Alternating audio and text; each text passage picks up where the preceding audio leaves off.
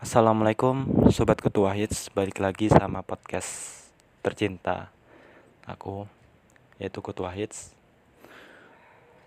Sorry baru update lagi. Sebenarnya tadi aku udah Coba upload podcast ini Cuma karena koneksi internet yang Gak baik alias gak punya kuota Jadi Ini aku ulangi lagi podcastnya. Jadi tadi aku up, mau upload podcast tentang bersyukur. Nah Bersyukur itu apa sih? Menurut aku sendiri, bersyukur itu adalah ungkapan terima kasih kita kepada Tuhan, kepada orang lain kita atas apa-apa yang terjadi dalam hidup kita. Mau itu buruk, mau itu baik. Kenapa sih harus baik dan buruk harus kita terima? Sebenarnya ini perspektif kita sendiri aja ya. Yang sesuai dan yang baik itu ya ketika kita memandang segala hal itu dari sisi positif.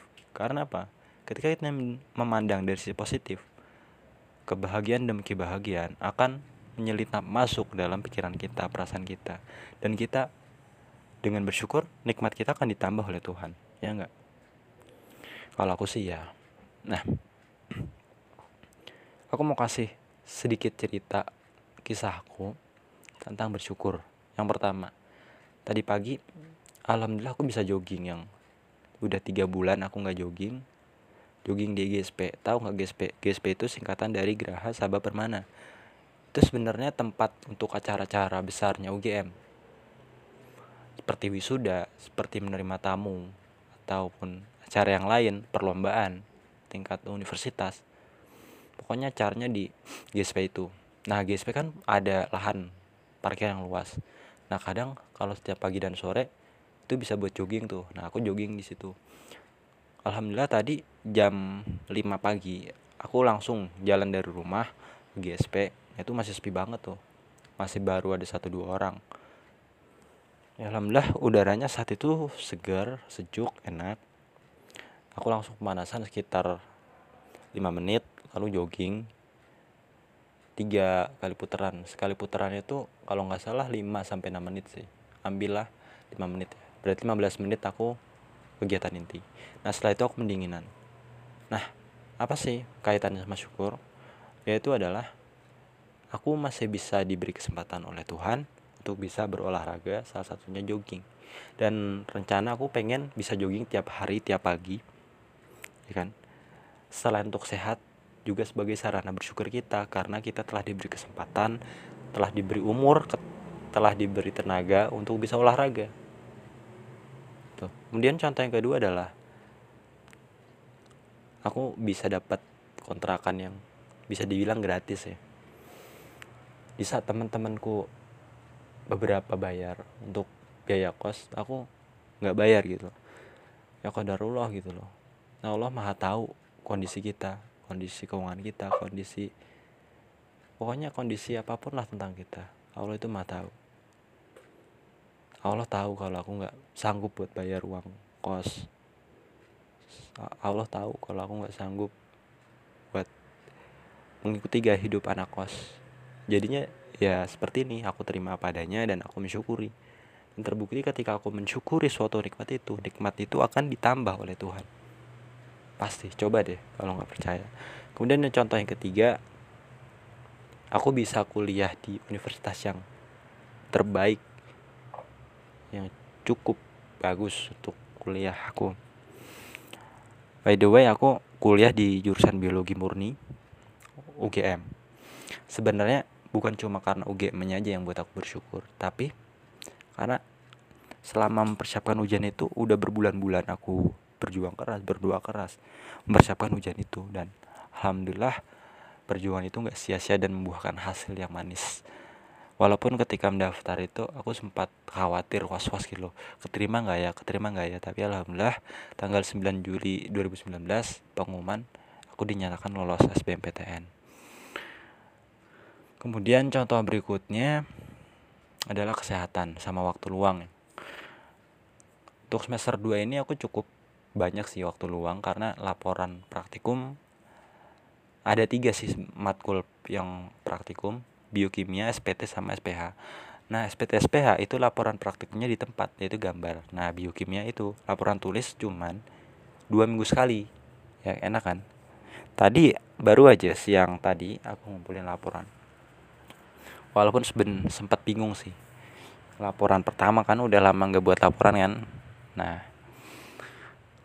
banyak waktu luang aku semester 2 ini jadi aku mau fokus buat berkarya buat berbagi kisah-kisah aku yang dulu. Selain itu juga kesehatan. Alhamdulillah aku masih sehat sampai saat ini. Walaupun kemarin Februari aku sempat jatuh sakit pilek pusing batuk muntah-muntah gitu. Tapi setelah aku makan yang sehat minum yang sehat olahraga gitu alhamdulillah semakin lama kondisiku semakin baik. Pikiranku juga semakin waras semakin enak. Udah nggak emosi-emosi lagi ketika sakit pokoknya ya alhamdulillah aja kita syukur. Aku sekarang jadi nganggap sesuatu itu apa apa ya udahlah apa adanya. Semua itu bakal terjadi bakal selesai pada waktunya bakal indah pada waktunya. Oke itu tadi beberapa contoh dari aku tentang syukur. Semoga kamu sobat kutu wahid bisa mengambil hikmah dari apa yang udah aku sharing ya. Mohon maaf banyak salah kata ada kurangnya itu dari saya pribadi ada lebihnya itu dari Tuhan semata. Wassalamualaikum warahmatullahi wabarakatuh. Halo sobat kutu wahid balik lagi sama aku Adnan. Nah sobat ketua hits ada yang kuliah nggak? Mungkin ada ya. Nah aku juga kebetulan juga lagi kuliah semester 2 di biologi murni UGM nah kali ini aku mau cerita sharing tentang kos tentang hidup aku di Jogja ini di UGM ini tuh kayak gimana? Cara singkat sih nggak semuanya. Tapi kali ini aku cuma bahas tentang rumah rumah yang sekarang aku tinggali. Waktu tanggal 2 Agustus 2019 itu aku datang pertama kali ke Jogja buat kuliah. Jadi sebelum itu bulan Juli itu bapak aku udah mesen kos-kosan di daerah Pogong Kidul. Aku lupa RT RW nya berapa. Pokoknya deket jembatan teknik itu. Nah itu harusnya kosnya setahun sih. Cuma setelah bernegosiasi cukup alot akhirnya dibolehkan lah ngekos satu bulan. Tahu nggak setahun itu berapa di sana? Di Pogong Kidul yang tempat aku itu setahun itu sekitar 5 juta pas. Ya fasilitasnya standar lah ya. Kamar itu cukup besar sih dibanding kamar-kamar lainnya. Mungkin tiga kali tiga ya. Tiga kali tiga itu cukup besar. Kemudian ada kasur tapi di bawah di lantai terus bantal satu meja belajar satu kursi satu lemari baju lemari buku. Udah sih itu aja. Sama listrik listrik terus bisa dapat minum gratis. Seperti teh seperti kopi seperti apa pun itu. Itu kan setahun harusnya aku bayar 5 juta. Cuman setelah dinego sebulan jadi 600 ribu. Ya sebulan 600 ribu.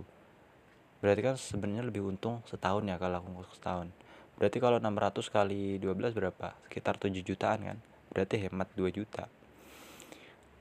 Tapi faktanya aku ngekos di Pogong Kidul tuh nggak sampai sebulan.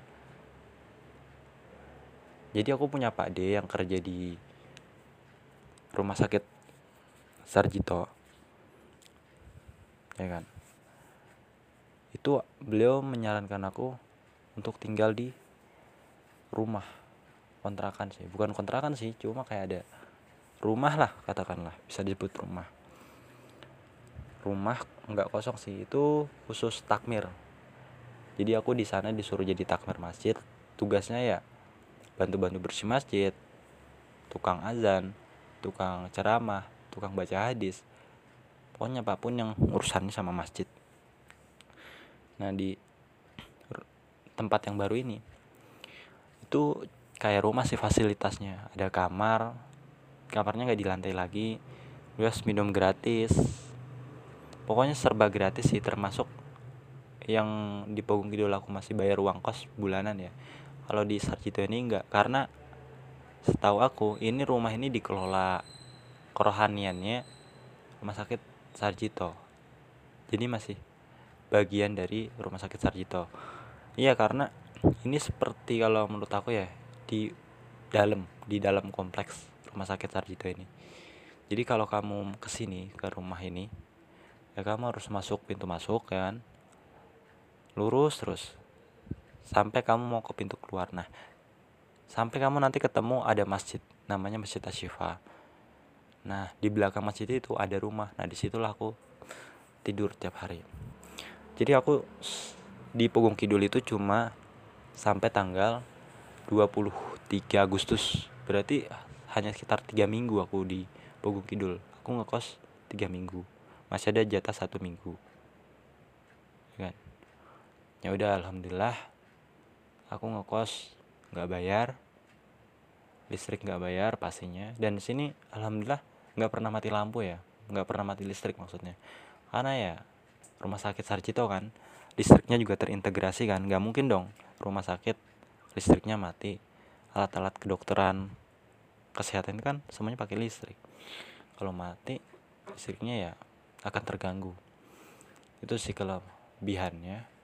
Minum juga setiap hari gratis karena ada ruangan khusus gitu yang setiap hari ngisi minum ya kan, galon.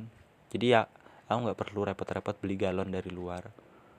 Juga mereknya Tirto Sarjito. Itu khusus Sarjito rumah sakit Sarjito. Nggak boleh ada merek-merek lain di dalam Sarjito. Itu selain galon juga kita bisa masak sendiri ada gas kemudian ada bumbu-bumbu. Terus air juga tentunya gratis kita bisa mandi.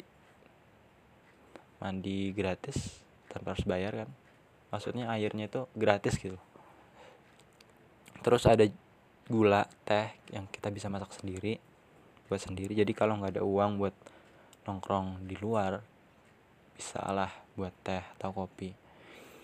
Nah cuman kelemahannya adalah kalau di sini di Sarjito ini itu mau ke mana-mana itu agak jauh.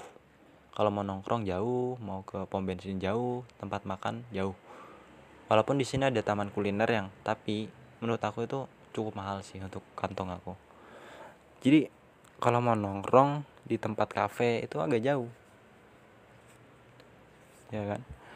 Terus pom bensin juga lumayan jauh. Pokoknya kalau tempat-tempat yang umum itu jauh lah. Terisolasi sepertinya. Karena emang sih kalau aku lihat sepanjang jalan depannya Sarjito itu kan udah kampus UGM ya FKKMK sebelahnya teknik. Dari teknik ke ujung fakultas FKKMK dilanjutkan rumah sakit Sudomo RSGM Sudomo. Itu tuh jalan. Jadi udah nggak ada bukan tempat umum jalan. Terus sampai Jakal. Nah Jakal itu masih kamu terusin aja Jakal itu barulah ketemu tempat buat nongkrong. Jadi tempat buat nongkrong itu antara Jakal kemudian Jalan Menjali situ sih. Nah itu cukup jauh dari Sarjito. Apalagi ya kehidupan di Sarjito udah. Mungkin podcast kali ini tentang rumah aku dalam tanda kutip sekian. Bisa diambil hikmahnya apa esensinya apa bisa disimpulkan sendiri. Kalau ada salah kata itu dari aku. Kalau ada kelebihan itu dari Tuhan. Maaf banyak salah kata. Kamu bisa nikmati podcast aku lain yang lain di Kutu Ais dan nantikan podcast-podcast selanjutnya yang lebih menarik. Wassalamualaikum warahmatullahi wabarakatuh